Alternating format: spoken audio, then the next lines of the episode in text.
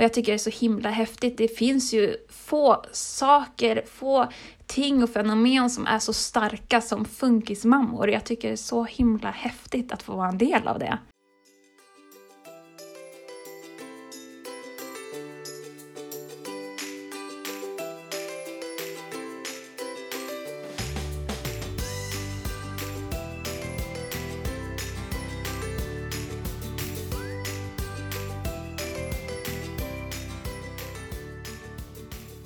Lyssnar på det femtonde avsnittet av Nordlyckans podd. Och jag som driver den här podden, jag heter Emma och jag är mamma till Alve, Vide och Tuva. Och Vide har ett sällsynt syndrom, ett syndrom som heter MAN1B1-CDG. Och för Vide innebär det här syndromet bland annat att han har fått diagnoserna svår intellektuell funktionsnedsättning och autism nivå 2.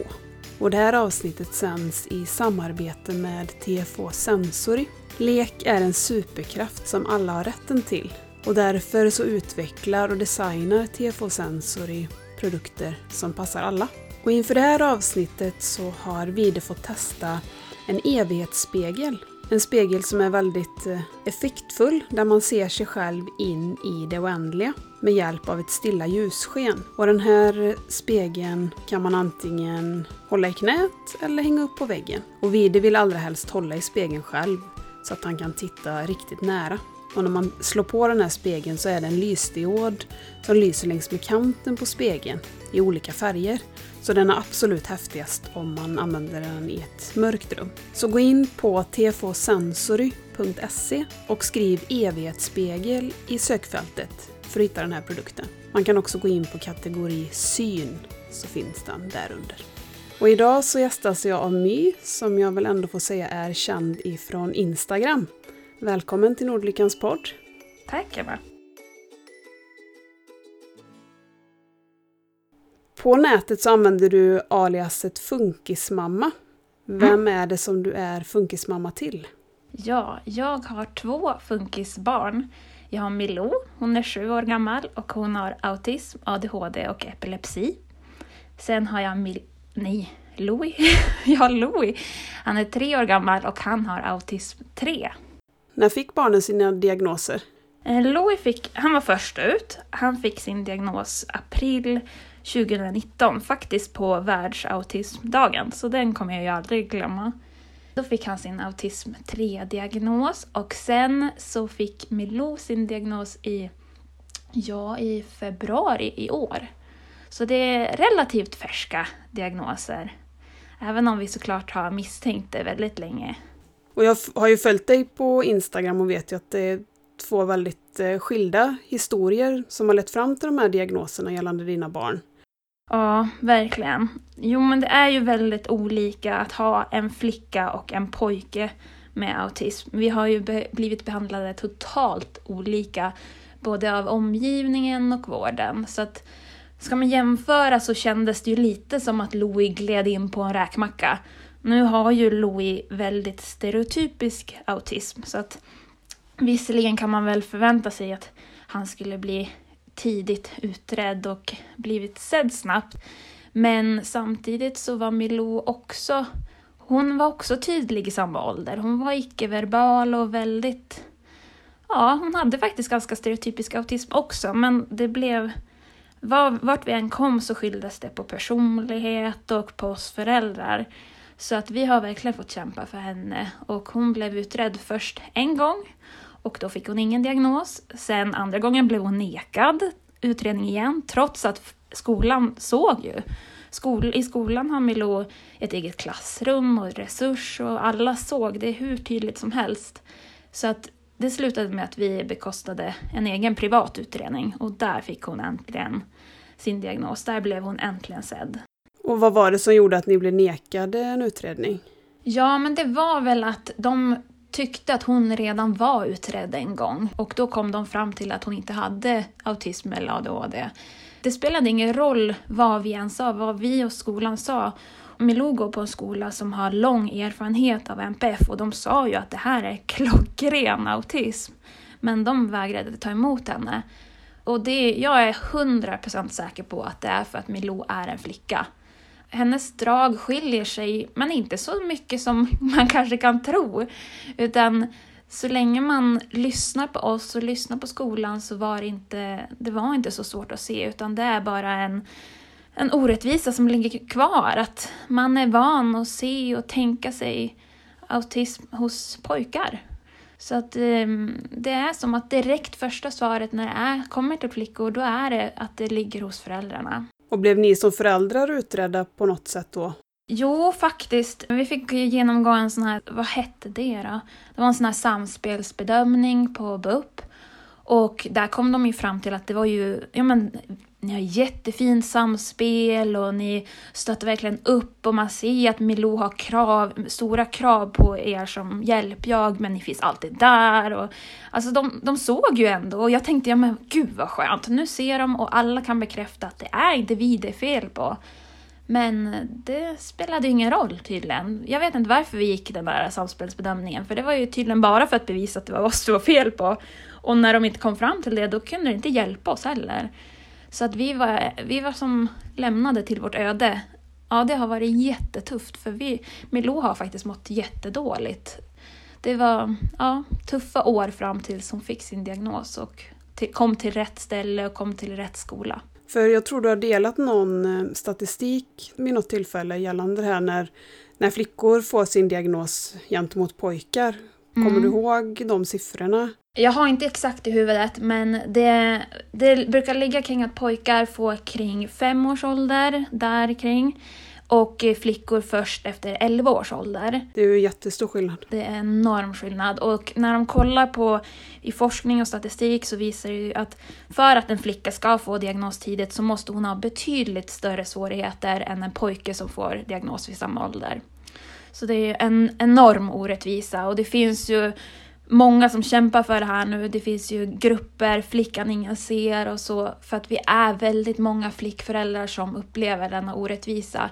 Och det är ju förstås en, mest tydligt när man har en flicka och en pojke. Då ser man så tydligt vilken orättvisa det är. Och att bli anklagad för att det sitter i uppfostran och samma läkare kan se min pojke och där är det plötsligt inget fel alls på vår uppfostran. Det är absurt. Vi var på en sån här um, workshop för IBT.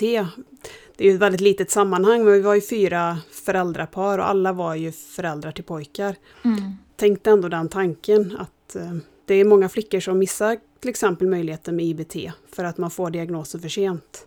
Verkligen. Ja, det är helt korrekt iakttagelse. Jag har också tänkt tanken att Milou, nu är ju Milou extremt kravkänslig så jag tror kanske inte IBT hade hjälpt henne så mycket. Men det är klart jag känner att det är många år som har gått till spillo och ändå ska man jämföra så har Milou fått relativt tidig diagnos och det är så sorgligt. Nu har ju Milou autism 2 så hon har ändå ganska stora svårigheter. Men autism 1 de missas länge. Man ska vara glad om man får en diagnos i tonåren och då är det på grund av ångest eller ätstörningar man har sökt hjälp för. Så det är så synd om de här flickorna. Vi måste bli bättre på att se dem.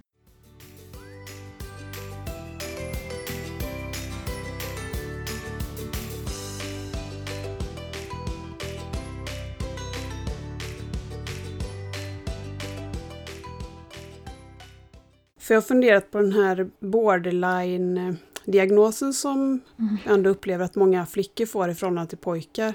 Om det ibland egentligen är en NPF-diagnos? Ja, alltså... nu vet inte om det här kommer bli poddvänligt. det här är en öm tå för mig. Nej, men det är ju väldigt, alldeles för vanligt att män diagnostiserar kvinnor som hysteriska med borderline. Och väldigt ofta visar det sig att kvinnan istället har någon form av NPF. Det är typiskt då för kvinnor som sticker ut från mallen som vi förväntas att vara. Då är det lätt att sätta en borderline-diagnos. Sen finns det såklart de som har borderline och de som ja, har borderline och autism och så. Så man ska inte förringa det, men det blir ju inte bra för de som faktiskt har borderline att flera kvinnor feldiagnostiseras som det heller. Det blir så orättvist för alla. Ett samhällsproblem helt enkelt. Och den här fördelningen mellan killar och tjejer, har, vet du någonting om liksom hur många tjejer gentemot killar som diagnostiseras med NPF-diagnoser? Oj, det vet jag inte heller om jag vågar uttala mig om. Vad är det man brukar säga? Att det går en per tre eller något sånt där. Men de vet ju inte, det är ju ett enormt mörkertal. Så att det är väl ingen som egentligen har exakta siffror med tanke på vilken stor diagnosboom det är bland autistiska och kvin kvinnor med ADHD. Alltså, det är ju en enorm grupp som diagnostiseras just nu. Just kvinnor, vuxna kvinnor, som söker hjälp för att vi har blivit missade under så många år. Så att det är omöjligt att säga. Jag tror att den statistiken behöver vi ta fram om 20 år. Kvinnor och män har olika strategier ofta och uppfostras enligt samhällsstrukturer och samhällsnormer på olika sätt. Så att jag tror absolut att det är en felfördelning i diagnostisering och det känns jättebra att man äntligen börjar upptäcka det här och göra om och göra rätt. Att det forskas mycket om detta, det släpps böcker, det släpps filmer och vi hittar varandra på sociala medier. Alla vi kvinnor, flickor, tjejer som har gått och varit osynliga. Vi hittar igen varandra och det börjar bli en enorm community och en jättefin gemenskap. Så att jag känner att förändringens vindar blåser. Jag hoppas verkligen det. I alla fall på Instagram så är det ju en Alltså det är ju en kvinnokamp där, alltså det är väldigt mycket kvinnor som har stora konton i alltså det är ju olika typer av ämnen men det känns som att där kommer inte riktigt männen fram utan där får kvinnorna blomstra eller hur man nu ska säga och uttrycka sina åsikter utan att bli tillbakadragna också. Verkligen, och det behövs. Vi behövs. Vi behöver få stå upp och få prata om det som vi inte har fått säga i så många, många år. Och männen är förstås välkomna, men hittills är det inte så stort intresse. Och då är det lika bra att vi tar den här platsen och får berätta om orättvisan vi har blivit utsatta för.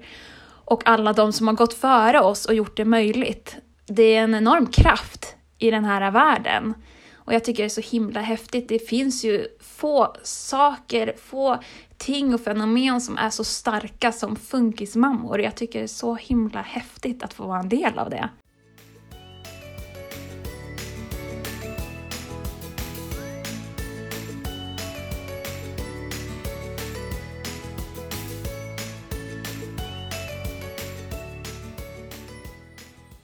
Du börjar här och säga att Louis hade, att han har en stereotyp autism. Ja, precis. Det vad, har han. Eh, vad menar du med det? Ja, men ibland kan människor ofta vifta undan den här sortens, vad ska man säga, autism som Louis har. Man kan ofta säga att ja, men mitt barn är inte ett sånt som sitter och gungar i, eller sitter i ett hörn och man vill nästan inte identifiera sig med, med autister som, som ter sig på det viset. Men Louis han var precis så väldigt länge. Han satt i ett hörn och gungade och det kan han göra än idag. Och det är ju en väldigt stereotypisk autism och den existerar faktiskt. Det är inte bara en stereotyp.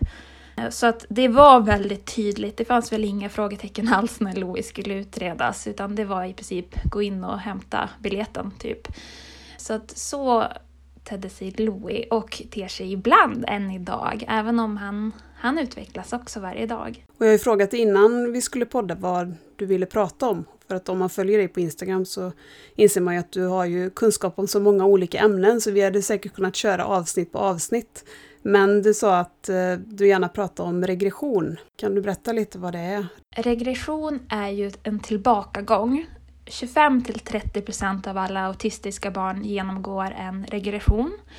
Och majoriteten av de här barnen får inte så stor tillbakagång utan det kan vara att man tappar ögonkontakten eller gesterna eller talet, det är ju lite större tillbakagång. Båda mina barn har gått igenom regression. Milou tappade sitt tal och sen blev hon också lite mer tillbakadragen men hon hade även tydliga tecken innan sin regression. Louie har gått igenom en väldigt aggressiv regression. Av alla föräldrar jag har pratat med så har inte jag funnit något barn som har gått igenom lika aggressiv regression. Och det betyder inte att jag inte har funnit barn som är på samma nivå som Louie, för det finns det. Men däremot den här stora markanta skillnaden från att ha utvecklats som ett normtypiskt barn så gick Louie tillbaka så pass mycket att jag känner inte igen det barnet som lades på mitt bröst. Det känns inte som samma barn som Louis är idag. Han tappade talet, han tappade gester, han tappade delar av sin personlighet. Alltså, Louis älskade musik och dansa, han älskade djur. Och det här är väldigt känslosamt. Eh, men han, han tyckte om så mycket saker och han var så inkännande liten människa. När, när Louis var så liten, han var inte många månader gammal, när han kunde ligga och titta på sin stora syster och han skrattade när hon skrattade och han grät när hon grät. Och jag var så stolt över den här lilla pojken. Jag tänkte att här, jag ska uppfostra honom och bli en sån fin man som tar hänsyn och han ska bli så empatisk, fin liten människa. Och jag vill bara tillägga att det tror jag Louis absolut kommer bli.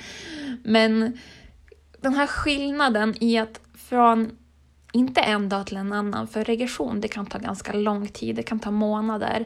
Men den här skillnaden att jag känner inte igen den här pojken längre. Den, den pojken som jag först fick lära känna det första året.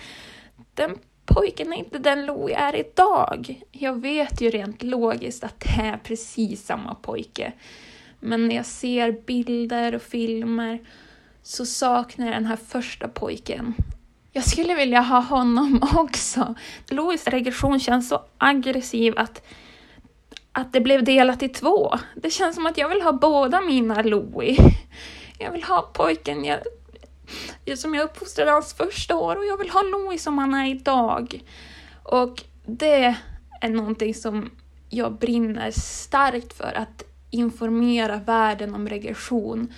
För att det finns en enorm skuld och skam i de här känslorna. Det finns en enorm ensamhet och okunskap. Man förstår inte vart ens barn tar vägen. Och jag vet inte ens om han finns kvar där inne. Jag vet inte om Louie fortfarande gillar musik, om Louie vill dansa, om Louie gillar katter. Jag vet inte saker som jag lärde känna om honom. Det är viktigt att berätta om det för att det, regression är brutalt. Alla som följer mig vet att jag älskar autism. Alltså jag brinner för autism. Men regression, just den delen önskar jag att vi kunde slippa. Är det någonting av de sakerna som han tappade som har kommit tillbaka? Ofta vid regression så, man kan säga så här, den vanligaste frågan är ju kommer, kommer Louis få tillbaka sina förmågor? Och rent generellt så kan man säga att ju aggressivare regression, ju svårare regression, ju mindre förmågor får barnet tillbaka. Milou tappade ju allt sitt tal, men fick också igen allt sitt tal, vilket inte, det händer inte alla utan det, ja, det händer med Lo.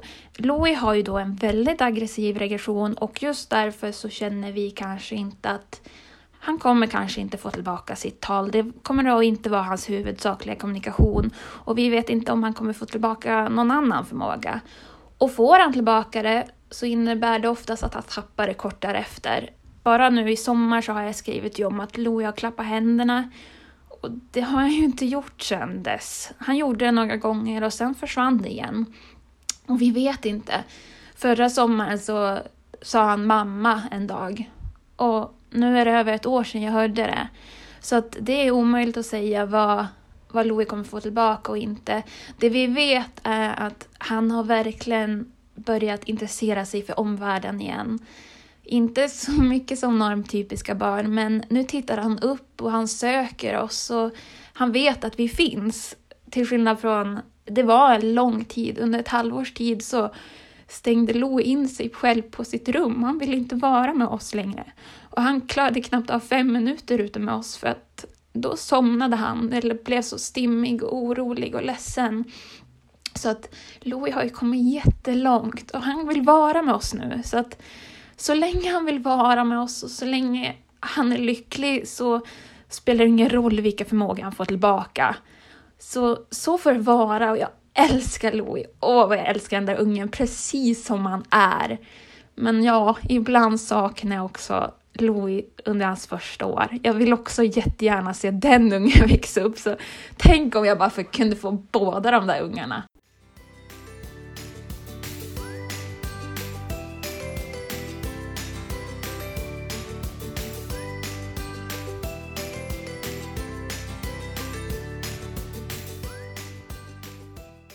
Eh, för vi, det, det har, vi har ju pratat om det innan att han har ju också haft regression, inte den typen av aggressiv regression. Men sen för oss har det ju också varit att han har ju sin utvecklingsstörning också, sin intellektuella funktionsnedsättning. Så då, ibland känner jag att man inte kanske har tagit oss på allvar när vi har sagt att ja, men han har faktiskt pratat, han har vinkat, han har pekat, han har klappat i händerna, han har kunnat alla de sakerna men han gör inte det nu.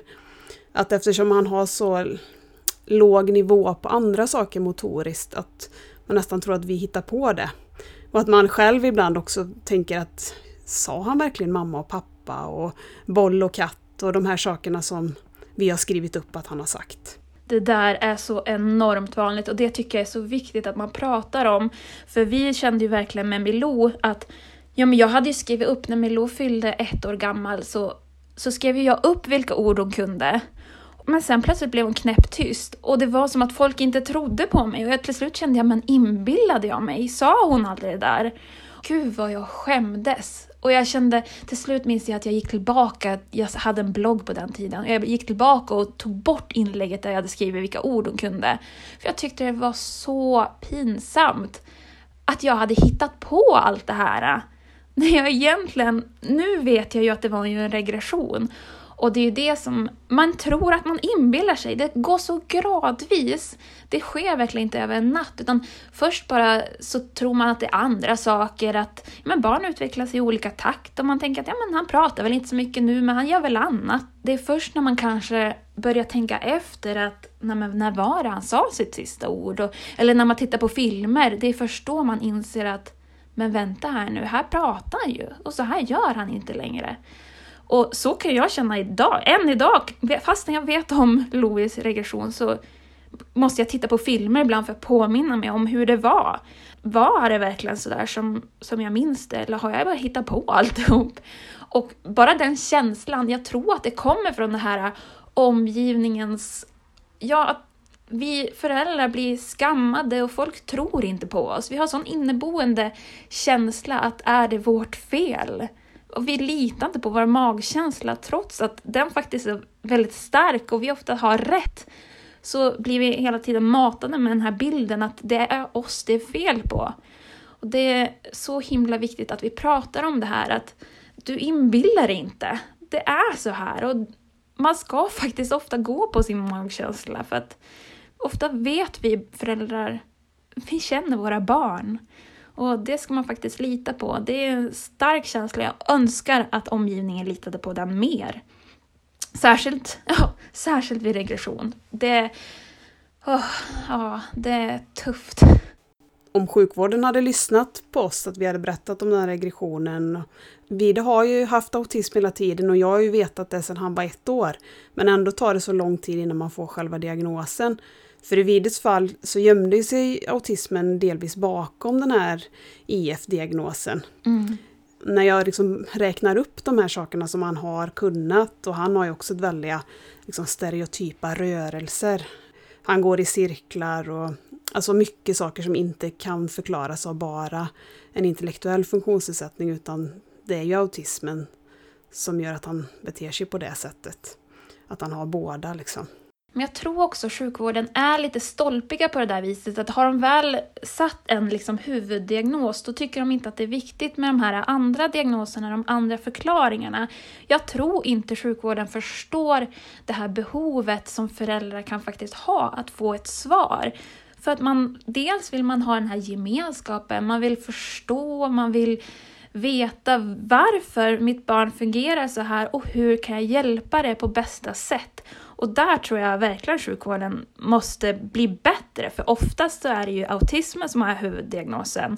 Och det är kanske inte är så viktigt att sätta ADHD-diagnos och liknande och då kan man ju till exempel förlora medicinmöjligheter och annat. Så det är så viktigt tycker jag att man ser helhetsbilden och det handlar ju inte, det vet ju vi funkisföräldrar att det handlar inte om att sätta en stämpel på sitt barn. Det handlar om att man vill ge sitt barn alla möjligheter. Man vill, man vill veta allt för att kunna ge dem allt. För när man får nya diagnoser så kan man ju läsa på och man kan också bemöta Alltså vissa saker bemöter jag vid utifrån att han har en intellektuell funktionsnedsättning men vissa saker är ju mer utifrån hur han beter sig på grund av autismen. Absolut. Det är ju en del i när man lägger upp strategier och förstår sitt barn. Men jag tror också att det är en enorm del av bearbetningsfasen. Jag tror alla har gått igenom den här känslan, men vad är vad?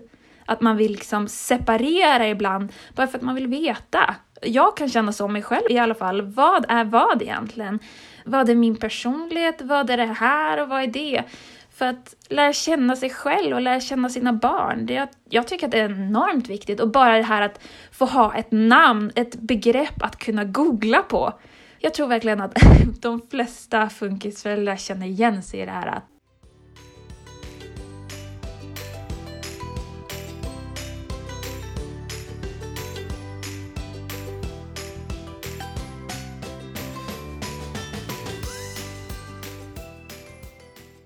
Sen som det ser ut på habiliteringen så autismen är ju egentligen den enda diagnosen som öppnar upp dörrar till mer hjälp. Och det är ju den här intensiv beteendeterapi och på vissa ställen kallar man det för vad är det, TBA. Ja, precis.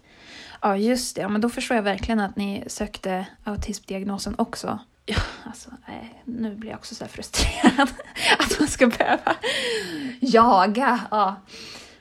Ja men det är ju enda möjligheten för att få så mycket hjälp med logoped och specialpedagog, det är ju att ha den diagnosen på papper. Annars hade vi aldrig fått den hjälpen.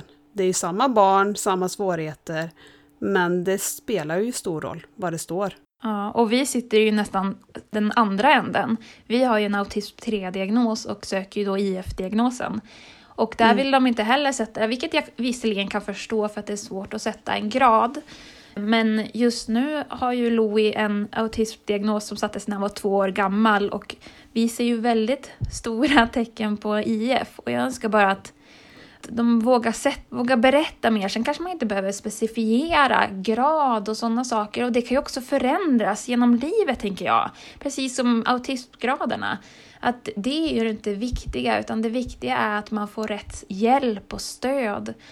Så att jag, ibland tror jag att man är så mån om att inte sätta stämpel på barn, att man inte sätter de här diagnoserna som kan faktiskt kan hjälpa och stötta upp. Diagnoser är ju ett sätt att inkludera barn i samhället. Nevide fick sina nya diagnoser nu, så det kan ju låta konstigt, men jag blev ju glad, det är kanske fel ord, men att han fick autism 2, att man inte satte ett, utan att det var tydligt att han har autism, ni har inte sett fel, ni har haft rätt hela tiden att ingen kan ifrågasätta det riktigt när man väl har liksom satt en mittendiagnos på den här skalan så är det inte på gränsen utan det är tydligt. Det kan jag verkligen känna igen med Milou. Det var ju verkligen, och så många gånger vi hörde att ja men i så fall har hon väldigt mild autism. För det första så finns det inget som heter mild autism. Antingen är man autistisk eller så är man inte.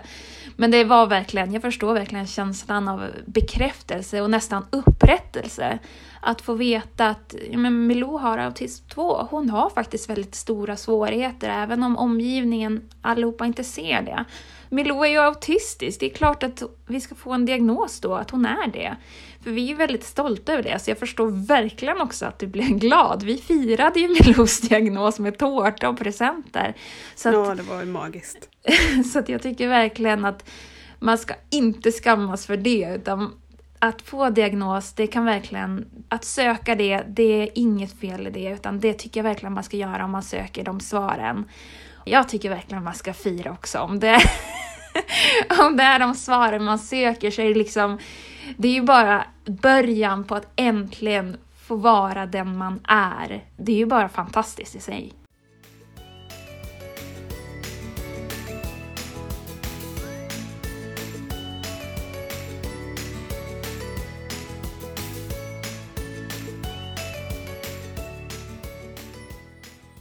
Och sen kan jag inte låta bli att ställa några frågor om det här med IBT, för vi är ju precis i den här uppstartsfasen av det. Mm. Och eh, visst har ni börjat med det med Louie? Nej, vi har ju faktiskt inte det. Nej, ni har inte det? Jag tror att vi kommer köra exakt samtidigt nästan. Jaha, spännande. Det är nu i september vi sätter igång också. För vi skulle ha satt igång i april, men då kom ju coronan i vägen. Ja, ja. Så att vi har inte heller satt igång. Och vi har ju en väldigt liknande situation eftersom Louie har ju då autism och förmodad eh, intellektuell funktionsnedsättning. Så det blir väldigt spännande att följas åt. För att du la upp någon eh, händelse häromdagen när du visade massa material, så då antog jag att ni hade påbörjat, men du har bara samlat på dig.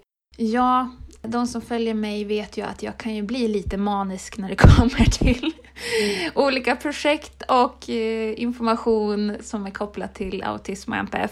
Och just det här med material och IBT, det har jag samlat på mig under ett års tid. Bara för att jag tycker att det är superroligt. Och jag tror inte, jag vet inte ens om Louis kommer använda en bråkdel, men jag bara tycker att det är så himla kul. Så vi får se vart det här landar. När jag såg det så tänkte jag att vi skulle ju bott närmare så kunde jag åkt till ditt bibliotek och lånat grejer där. Ja, du hade varit så välkommen så. För nu när vi var på den här workshopen så pratade de om att man ska ha material som man bara använder vid IBT och inte har tillgång till annars.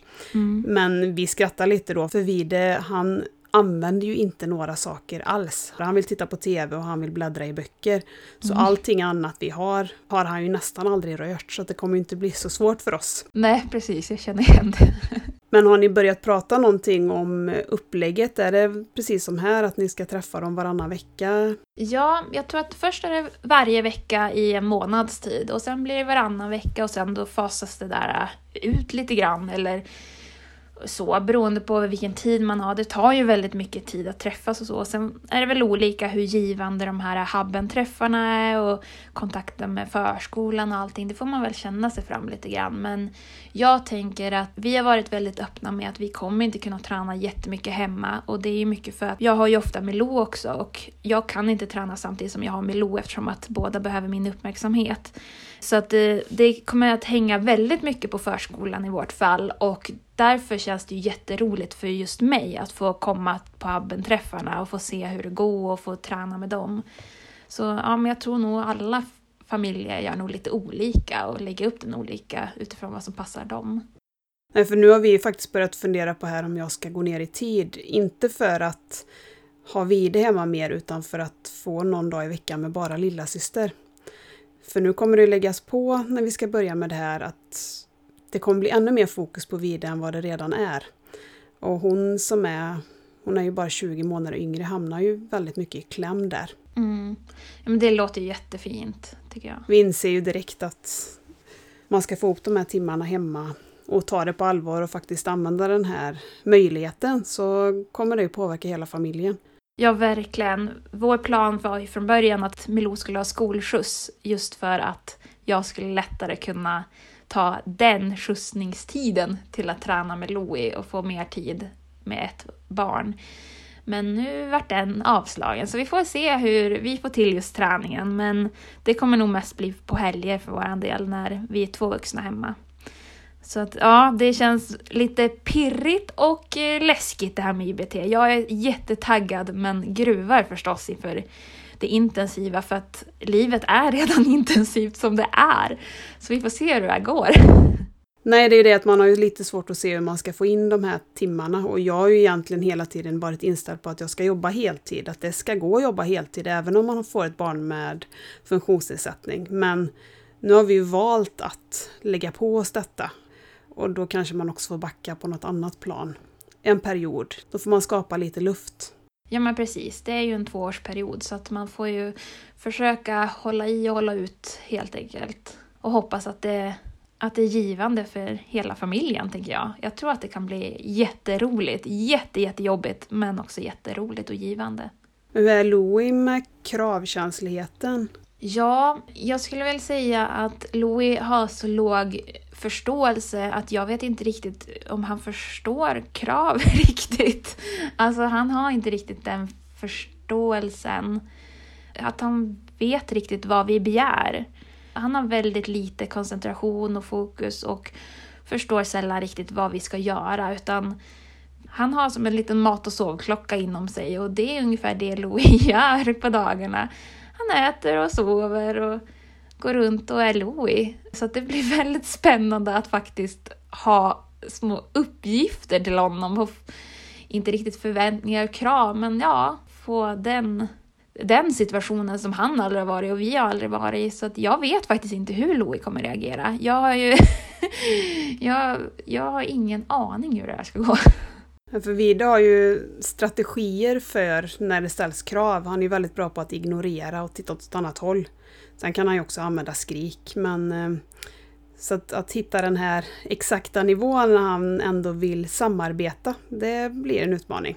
Ja, det kan jag tänka mig. Jo, jag har ju försökt tänka mig Milou i den där situationen och med väldigt kravkänsligt barn så blir det verkligen ett till lager på det hela. Så jag kan tänka mig att det är det ni kommer få kämpa allra mest med, att hitta lagom. Och utmana lagom. Så att, ja, det blir spännande att följa.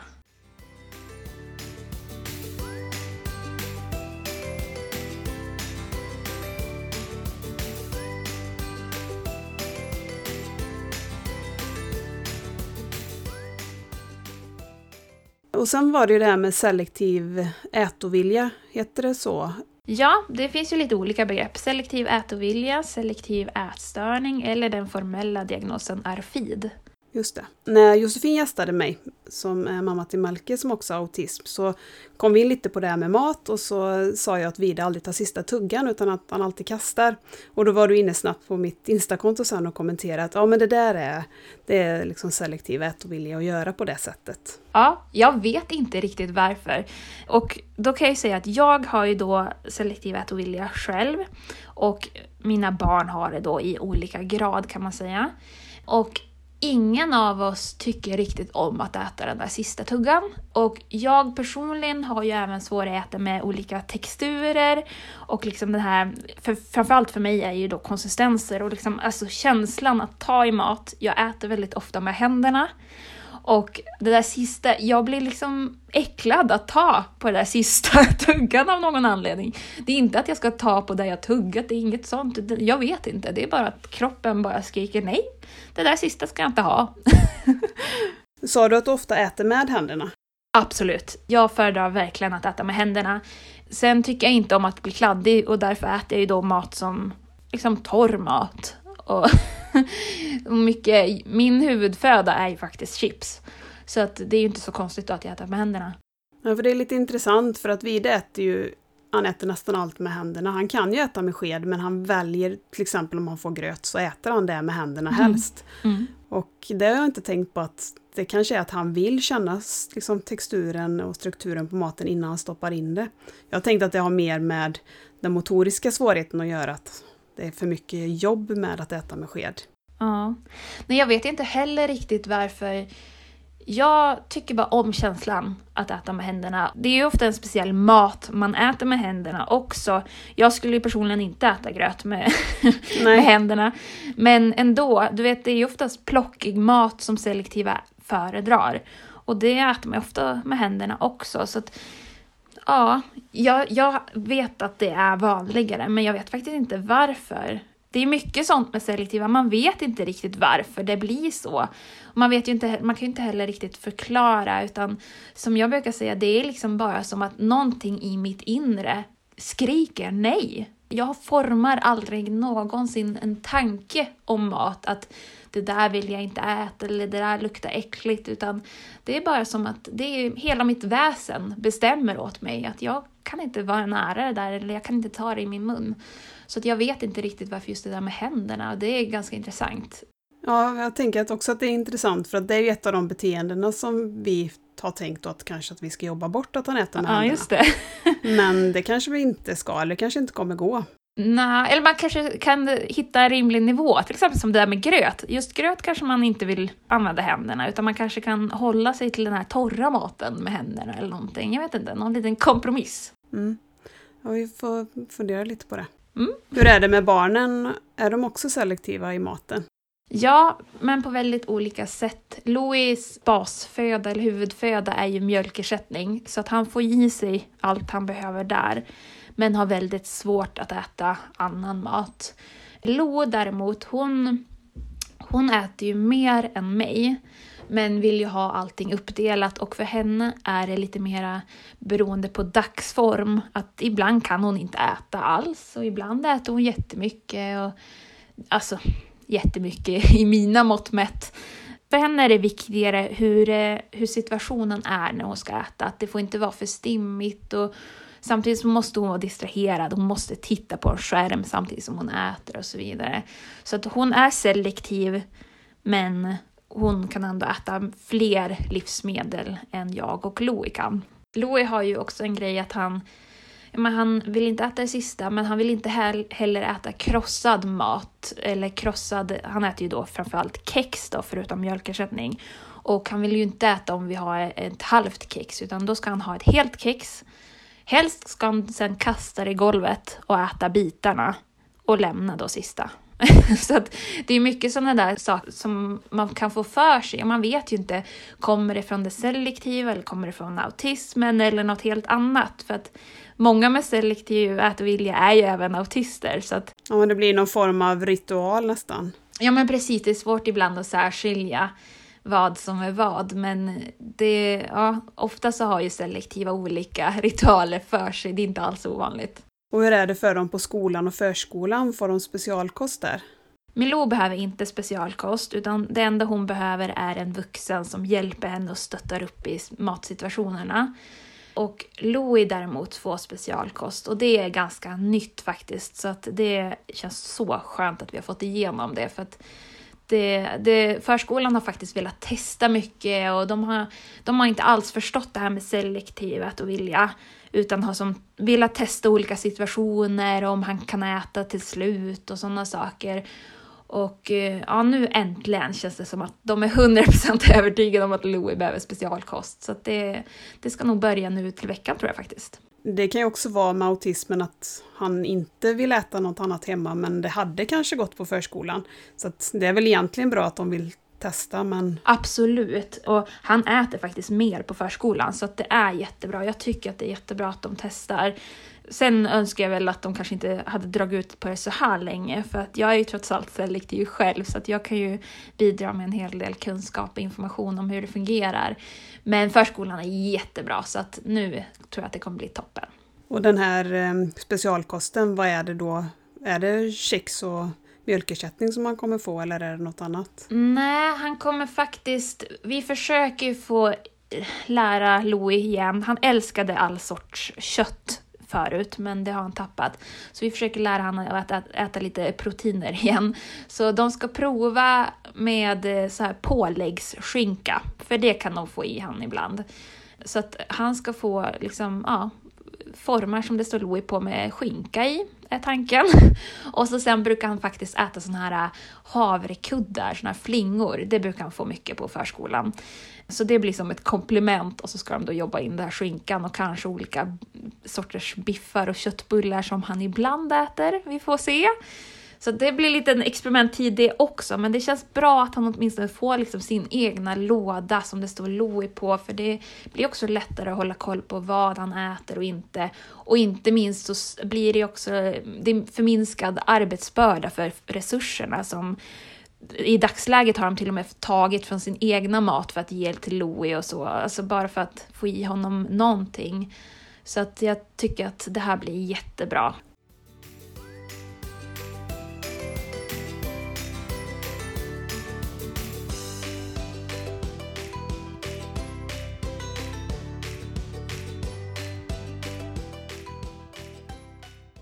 Och vilka anpassningar har de gjort i övrigt? Att vi kan börja med Louie på förskolan. På vilket sätt har de anpassat miljön där? Ja, hela förskolemiljön är ju Louie anpassad och intryckssanerad.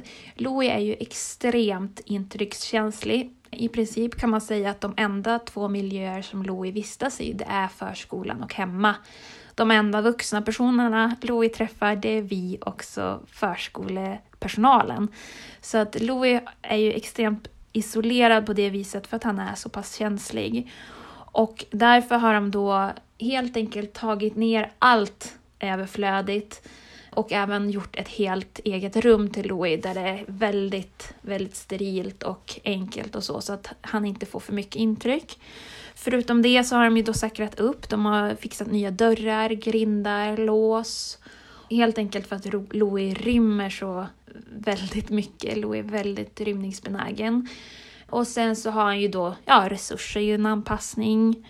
Sen har han ju faktiskt också en språkresurs. En halvtimme varje dag har Louis tid med en språkresurs som leker med honom. Okej, utöver den andra resursen? Ja, precis. Han får gå som iväg och träffa henne för hon är då utbildad ja det vete tusan vad hon är utbildad som, men hon är då jätteduktig och hon har faktiskt, det är väldigt IBT-liknande övningar så att det är ju jättekul.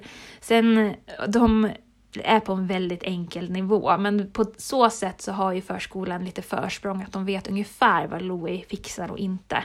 Så att den tiden med henne är vi oerhört tacksamma för. Och han, han älskar sin språkresurs. Det är verkligen, när hon kommer med den blå kassen, då vet, vet han direkt vad som ska hända och springer fram och kollar vad det är för leksak hon har med sig idag. Så att det är oerhört, ja, oerhört tacksamt och lyxigt. Den, det är Louis anpassningar. Nu har jag säkert glömt något, för det, är, det här är en fantastisk förskola. De har ingen kunskap om autism, men de har världens bästa kunskap om Louis. Så att då, ja, de har gjort det så fint. Milous skola Även hon går på en fantastisk skola. Vi har haft sådan tur. Och hon har då tillgång till ett eget klassrum, hon har en egen eh, uppstart, hon har lite anpassade tider, hon har ingen läxa, hon har ett specialschema, hon har resurs. Alltså det, det är så många fina anpassningar även för Milou, så att vi har verkligen, verkligen tur. Och hur trivs hon med att gå i skolan? Ja, Milou hade väl helst inte gått i skolan alls, skulle jag Nej. tro. Men ja, som jag nämnde tidigare så är ju Milou extremt kravkänslig. Så att hon gillar väl inte skolan alls, men hon gillar sin skola, kan man säga. Hon gillar inte fenomenet, men tycker ändå om den platsen och det är väl ja, den bästa lösningen i en, en dålig tillvaro, höll jag på att säga. Hur är det med den skolan? Finns det fler barn med autism som går där? Absolut, det är en Montessori-skola och därför är det ingen, det är ingen resursskola eller specialskola så, men jag tycker ändå att de har en högre andel barn med NPF och det är för att de är helt enkelt fantastiska. De har stor erfarenhet av att anpassa så att jag tycker mig ändå märka att fler vänder sig dit. Sen eh, har väl kanske inte alla lika stora anpassningar som Milou har, men de, de anpassar jättefint för många barn.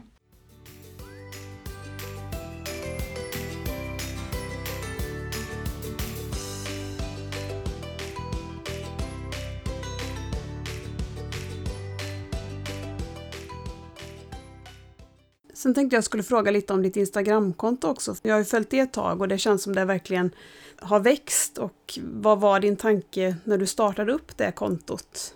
Ja, min tanke var att veckan innan jag startade upp kontot så la jag upp en bild på Louie i min kvartersgrupp och sa Hej grannar, det här är Louie och Louie har autism. Jag lägger upp en bild för att Louie rymmer väldigt mycket. Och det var där det började, för att alla blev så himla glada och tacksamma att få veta den här informationen. För i vårt fall, som har en pojke som rymmer dagligen, så var det väldigt viktigt för mig att omgivningen fick veta det. För ofta när, när vuxna ser ensamma barn, det blir ju inte att man direkt springer dit, utan ofta står man där och spejar liksom är föräldrar i närheten? Vet barnet vart, vart det är och så? Och den där tiden, den har inte vi. Louie måste fångas upp direkt. För att Louie reagerar ju inte på tilltal, han kan inte stanna, han tittar inte efter vuxna. Ja, han springer bara. Så jag kände att alla måste veta, ser ni Louie utanför staketet, spring! och när jag fick den responsen att tack för att du berättar, det här är så värdefullt. Då kände jag bara, wow, jag måste berätta för fler. Jag måste, nu är det dags. Nu är det slut på att gömma sig och sätta upp en fasad.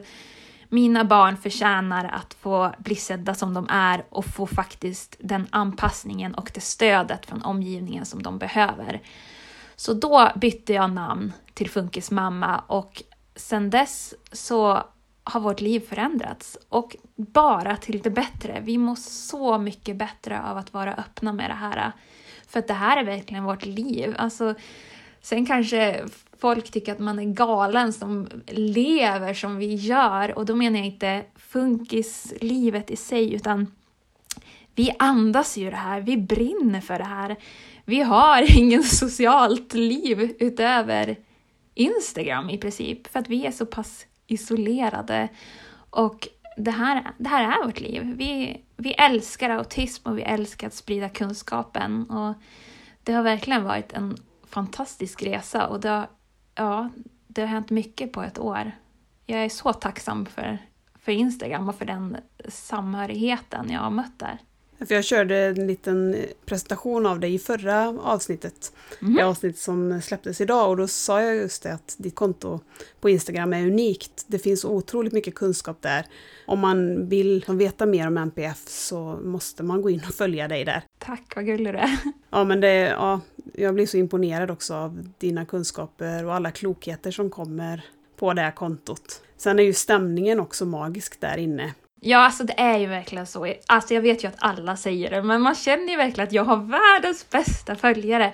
Det finns så himla kloka människor där ute och jag har haft turen att få ha väldigt många som följer mitt konto och det blir så häftigt varje tråd. Man vet inte riktigt vart den ska få som ett eget liv och spinna iväg och prata om helt andra saker. Och jag tycker det är jätteroligt att prata med alla och lära känna alla. Jag har sådan fin kontakt med väldigt många av mina följare och det betyder enormt mycket för mig. Men hur upplever du det här med troll? För att jag har ju inte lika stort konto som ditt men ändå ganska många följare och jag får i stort sett aldrig några negativa kommentarer.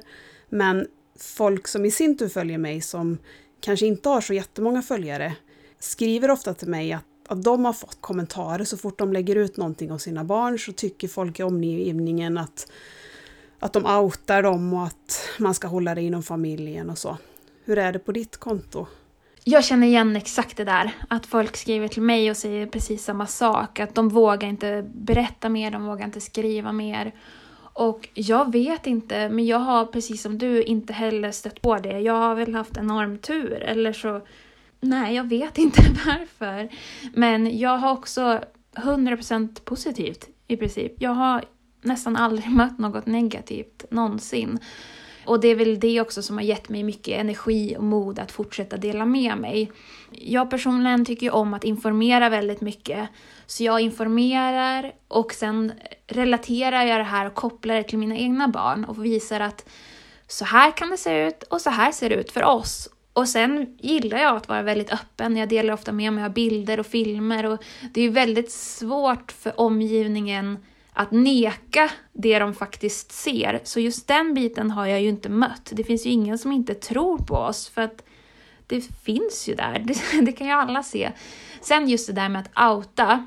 Det vet jag ju att många pratar om. Det är ju som en samhällsdebatt egentligen. Vad, vad ska man dela om sina barn och inte?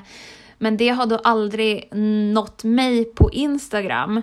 Sedan kan vår familj ha haft åsikter och så, men aldrig någonsin följare. För mig är det väldigt viktigt att det ska vara värdigt och respektfullt det jag skriver. Jag vill jag älskar mina barn och jag är väldigt stolt över det och jag vill att det ska märkas i varje inlägg. För att det är så det är. Jag vill att de ska kunna se tillbaka en dag och kunna läsa allt jag har skrivit och förstå även det tunga, allt det jobbiga som vi är med om, att de ändå kan se stoltheten som lyser igenom, för det gör den verkligen. Jag gör allt för mina barn och kanske, jag hoppas verkligen att det är det som märks igenom, att det är därför jag har sluppit. Men jag vet inte, jag önskar verkligen att alla kunde dela så öppet, precis så öppet som de ville. Nej, jag brukar försöka pusha lite om någon skriver att om någon tyckte att jag hängde ut mitt barn. Att, ja, be dem gå in på mitt konto då och liksom skoja lite att då ska du få se på ett uttänkt barn. men sen vet jag inte om det är skillnad på att man är personlig men inte privat. Mm. Och privat kan ju betyda olika för olika personer. Men jag delar ju inte med mig av allt. Och i vissa saker kanske jag delar med mig av lite mer på ytan. Alltså jag pratar ju ofta om Vides utbrott eller sammanbrott, men jag skulle ju inte filma honom när han har ett sånt och sen lägga ut det. Så det finns ju ändå en gräns där för hur mycket jag delar med mig av.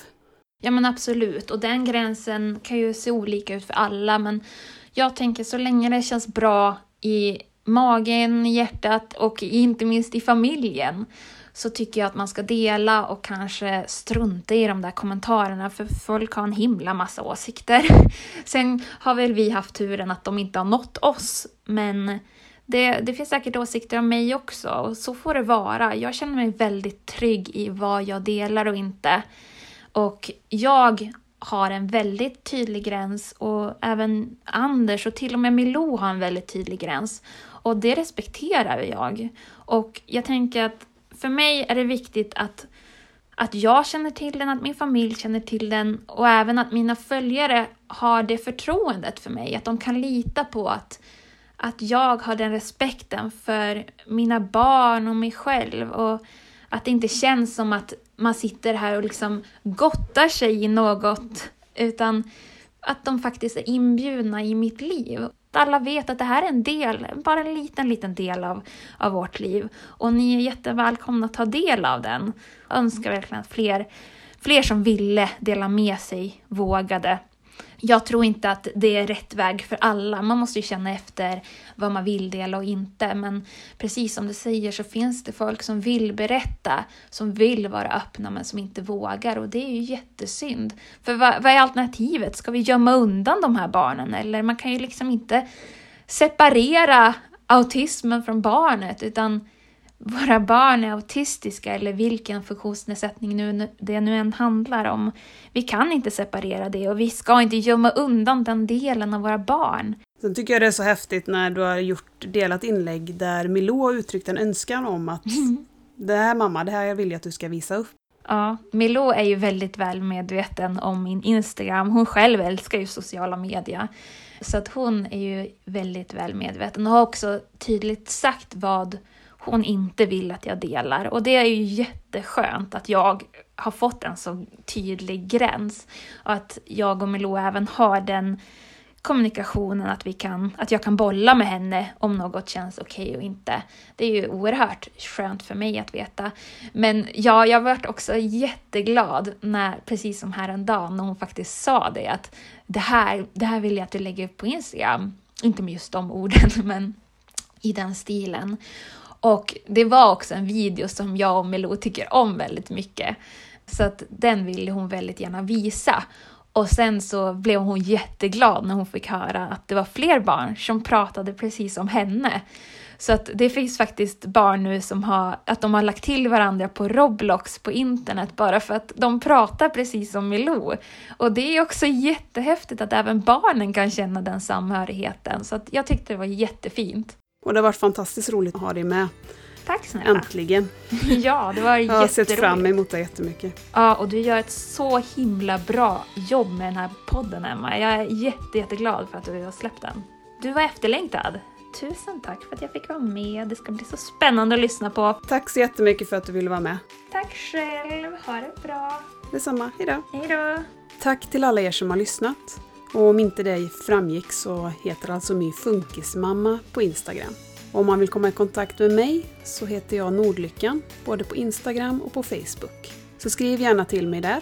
Och missa inte att gå in på tfosensory.se och kolla in deras sortiment på leksaker, sinnesrum, gungor och en väldig massa andra fantastiska prylar. Så hörs vi om en vecka igen. Puss och kram!